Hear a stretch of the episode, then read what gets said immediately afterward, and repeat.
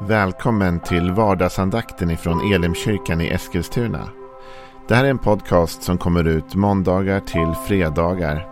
Om du vill veta mer om vilka vi är, vad vi tror på, hur du kan komma i kontakt med oss eller vad vi kan erbjuda dig för någonting så gå in på www.elimkyrkan.com. Får jättegärna gå in och likea vår Facebook-sida. Det är facebook.com elimeskilstuna. Eller så söker du upp oss på YouTube och då söker du på Elimkyrkan Eskilstuna. Vi vill jättegärna komma i kontakt med dig. Men nu lyssnar vi till dagens andakt.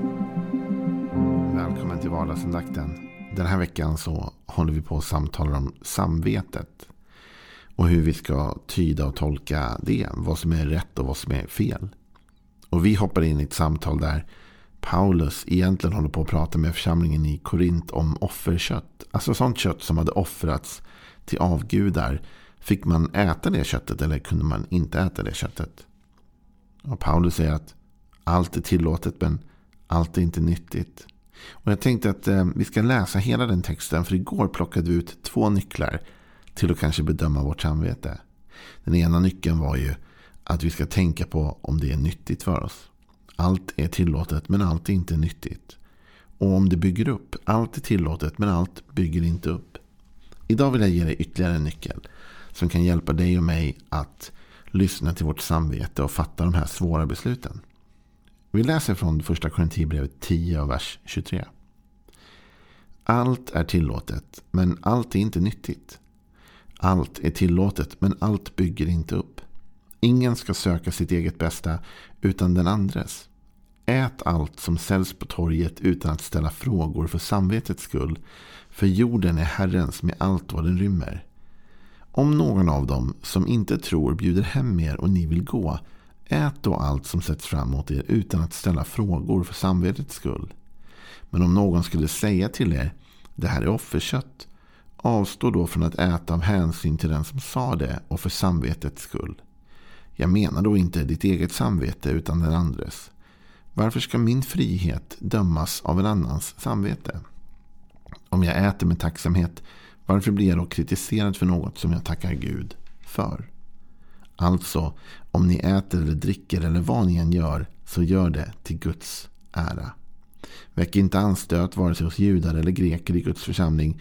Själv söker jag i allt, fogar mig efter alla och söker inte mitt eget bästas utan det mångas för att de ska bli frälsta. Igår sa vi att allt är tillåtet men allt var inte nyttigt. Allt är tillåtet men allt bygger inte upp. Och nu så säger Paulus, ingen ska söka sitt eget bästa utan den andres. Det här är ju en kristen grundinställning till livet. va? Det här är det vi har kallat för den gyllene regeln egentligen. Där Jesus säger att vi ska göra mot andra så som vi vill att de ska göra mot oss. Vi ska älska vår nästa som vi älskar oss själva. Här säger han att vi ska inte söka främst vårt eget bästa. Utan den andres. Men det finns en grundtanke i det som också är så här ungefär. Att när jag söker ditt bästa så söker jag också mitt eget bästa. Alltså om jag söker det som är bäst för min granne, för min vän, för min, liksom, de jag möter på jobbet eller var som helst. Om jag söker den personens bästa så söker jag på något sätt också mitt eget bästa. Det som är bäst för samhället i stort liksom, är också bäst för mig på något sätt. Ingen ska söka sitt eget bästa utan den andres. Du och jag har en väldigt bra nyckel till att tolka om något är bra eller inte. Det är också att fråga sig, är det bra eller inte för någon annan? Alltså först kanske jag ställer mig den här frågan. Är det tillåtet? Är det nyttigt för mig? Är det bra för mig? Bygger det upp mig? Men sen så vidgar vi den frågan och så säger vi. Är det bra för min granne? Är det bra för min nästa? Bygger det här upp någon annan? Eller bygger det bara upp mig? Och om det bara bygger upp dig och det bara är bra för dig och du till och med kanske kan se att det är destruktivt för någon annan eller inte bra för någon annan då kanske inte det är det valet du ska ta. Ingen ska söka sitt eget bästa utan den andres. Alltså med andra ord, tänk på vad som är bra för andra människor. Tänk på de andra, tänk inte bara på dig själv. I Romarbrevet kapitel 15 så lägger Paulus ut den här texten och han till och med lägger ännu mer ansvar på de som är starka i sig själva. De som upplever att de är starka, kraftfulla, har mycket eh, förmåga. De har extra ansvar. Vi läser så här i Romarbrevet 15 och vers 1. Vi som är starka är skyldiga att bära de svagas svagheter och inte tjäna oss själva. Var och en av oss ska tjäna sin nästa till hans bästa och hans uppbyggelse. Kristus tjänade ju inte sig själv, utan som det står skrivet, dina smädares smädelser föll över mig. Det är en fantastisk text. Här talas det om att vi, är, vi som är starka då, vi har skyldighet att bära de svaga och deras svagheter. Och så står det, och inte tjäna oss själva. Var och en av oss ska tjäna sin nästa till hans eller hennes bästa och hans uppbyggelse. Du och jag, vi är utmanade att använda vårt samvete till att utröna vad som är bäst för vår nästa.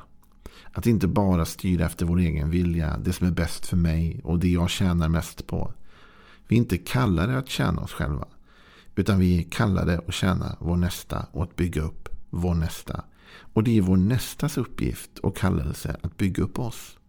Så det är inte det att du är oviktig eller det som betyder något för dig är oviktigt. Utan i Guds församling, i hans hem, så är tanken den att jag ska se dig och dina behov. Och jag ska försöka bygga upp dig och försöka fatta beslut som tjänar dig. Och du ska i gengäld se på mig och fatta beslut som gynnar mig och som bygger upp mig. Och på det sättet bygger vi upp varandra. Alltså vi är faktiskt kallade till detta. Att inte tjäna oss själva. Var och en av oss ska tjäna sin nästa.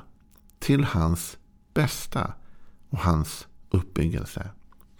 I en familj kan man tänka så här. Man står inför ett val och man måste göra någon form av prioritering. Och man kan välja att tänka, ah, vad vore bäst för mig? Vad skulle jag tjäna mest på? Men vi är faktiskt inte kallade främst till det. Utan vi är kallade till att tänka på de andra. Så jag kanske tänker, ah, vad vore bäst för mina barn? Vad vore det bästa för mina barn i det här läget? Och det här sker ju naturligt för många föräldrar. Alltså när man får barn så är min upplevelse att det där sker nästan per automatik. Att man som förälder börjar bortprioritera sig själv för att istället prioritera barnen först. Det blir barnens musik som spelas i bilen. Det blir barnens matval som gäller när man är på semester och så vidare. Man prioriterar barnen. Men man måste också prioritera sin partner, sin man eller sin fru. Och säga okej, okay, vet du, vad är bäst för dig? Det är inte bara vad som är bäst för mig. Utan min uppgift är att tänka på dig. Och din partners uppgift är att tänka på dig. Man tänker på varandra, man bär varandras bördor. Så står det ju på ett annat ställe i Bibeln. Bär varandras bördor så uppfyller ni Kristi lag. Så vi är kallade till att tänka på varandra. Vad är tillåtet? Ja, allt är tillåtet, men min uppgift är att göra det som är bäst för dig. Min uppgift är att bygga upp dig. Att bygga upp min familj. Att bygga upp för mina barn och för min hustru. Att bygga upp på min arbetsplats. Att se inte bara min egen plats och min egen vinning. Utan den större vinningen. Och här är ändå den nyckeln att när vi börjar leva på det sättet så förr eller senare så kommer människor att agera lika mot oss. Kanske inte per automatik och kanske inte att alla gör det. Men du kommer märka över tid att om du är en människa som ständigt lyfter upp andra människor. Om du är en människa som alltid försöker bygga upp och tänka på det som är bäst för den som är runt omkring dig. Så kommer de personerna till slut att börja prioritera dig väldigt mycket. De kommer se att du har ställt upp för dem. De kommer se att du alltid bryr dig. Och när du väl behöver någonting då kommer de vilja hjälpa dig. Därför de har sett det goda du har gjort för dem. Du har sett att, de har sett att du är osjälvisk. Du är inte driven av bara egna motiv. Utan du vill verkligen det bästa för din nästa. Och Det är också tryggt därför att det blir som en väktare för vårt samvete. Att när jag faktiskt sätter ditt intresse före mitt eget. Då behöver jag inte vara rädd att mitt beslut blir egoistiskt. För det är inte grundat i egoism. Utan det är grundat i någon annan. Och vad som är bäst för någon annan än mig själv. Fortsätter man ner i Romarbrevet 15 så kommer man ner till vers 7 där det står Ta emot varandra så som Kristus har tagit emot er till Guds ära. Det finns en anledning till att du och jag ska leva på det här sättet och det är Jesus Kristus. Alltså han som har tagit emot oss uppmanar och uppmuntrar nu oss att ta emot varandra.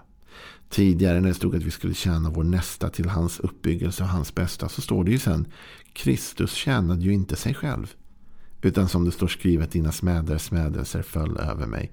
Med andra ord, Kristus har gett oss ett exempel. Han ställde sig inte frågan, vad vore bäst för mig? För om han hade ställt den frågan hade han inte gått upp på korset. Utan han ställde sig frågan, vad vore bäst för hela mänskligheten? Vad vore bäst för Joel? Vad vore bäst för Petrus och Jakob och alla de andra här? Och så levde han utifrån det perspektivet. Och därför är du och jag också räddade, fått del av frälsningen, hoppet och livet. Hans sår, säger Bibeln, har gett oss läkedom. Sår, att han blev sårad, det var inte det bästa för honom, men det var det bästa för oss. Och han levde sitt liv med ett vad är bäst för min nästa perspektiv egentligen.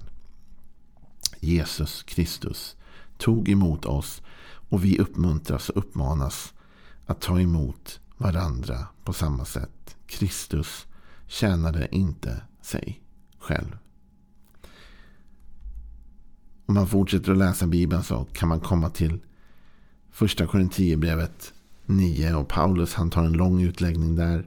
Han säger så här i vers 19. Fri och oberoende av alla har jag gjort mig till allas tjänare för att vinna desto fler. För judarna har jag blivit som en jude för att vinna judar. För de under lagen har jag blivit som en som är under lagen fast jag själv inte är under lagen för att vinna dem som är under lagen. Och för dem som är utan lag har jag blivit som en utan lag för att vinna dem som är utan lag. Fast jag själv inte är utan Guds lag utan lyder under Kristi lag. För de svaga har jag blivit svag för att vinna de svaga. För alla har jag blivit allt för att i alla fall frälsa några. Allt gör jag för evangeliet för att själv få en del av det. Här talar Paulus om att han har gjort sig till allas tjänare för att vinna desto fler. Och han talar om hur han har anpassat sig och liksom format sig själv för de andras bästa. Och Det här är en utmaning som du och jag har. Men det är också en, en hjälp i livet när du och jag ska fundera kring vad är ett gott beslut? Vi står i en situation och vi funderar på oj, vad är det rätta beslutet i den här kanske kniviga eller kluriga situationen där jag står just nu? Ja, vi börjar med att tänka på är det nyttigt för mig? Bygger det upp mig? Men sen breddar vi det perspektivet och så börjar vi tänka tjänar det här till gott för min nästa? Är det här bra för min familj, för mina vänner, för de jag har runt omkring mig? För dem på mitt arbete? Gynnar det, det här eh, dem på något sätt? Är det för deras bästa? Är det för deras uppbyggnad? Är det nyttigt för dem? Bygger det upp dem? Och om vi kan svara ja på det, det här är nyttigt för min nästa. Det här bygger upp min nästa. Det här är det som är bra även för min omgivning. Ja, men då står vi på ganska stadig grund i vårt beslut, eller hur? Då vet vi, okej, okay, det här är nyttigt för mig själv. Det bygger upp mig själv. Och dessutom så ser jag att det bygger upp min omgivning. Jag lever ju inte bara för att bygga upp mig själv. För på samma sätt kan den här processen bli avbruten. Om jag ställer mig en fråga, är det rätt att göra si eller så? Och så tittar jag på, är det nyttigt för mig? Ja, det är nyttigt för mig. Är det uppbyggligt för mig? Ja, men det är nog faktiskt uppbyggligt för mig. Okej, bra. Men hur ser det ut för min vän då, min granne? Mina, är det inte bra för dem? Det är väldigt illa faktiskt. Det kommer bli jobbigt för mina kompisar om jag gör så här. Det kommer bli jobbigt för mina arbetskamrater. Det kommer bli tufft för den här och den här personen. Och så börjar jag inse att okej, okay, men är det verkligen rätt? Är det tillåtet? Ja, det kanske är tillåtet. Men är det bra? Ska jag göra det om det inte gynnar min omgivning? Utan du och jag kan ta hjälp av denna fråga. Hjälper det? Bygger det upp? Tjänar det någon annans syfte än mitt eget? Om det gör det, ja, men då ska vi vara frimodiga. Då vågar vi ta de besluten. Men om det inte gör det, då kanske vi ska tänka ett varv till. Vi fortsätter imorgon med mer tankar om samvetet och hur vi kan ta hjälp av det för att fatta goda och kloka beslut i vårt liv. Ha en riktigt välsignad dag så hörs vi imorgon igen. Hej då.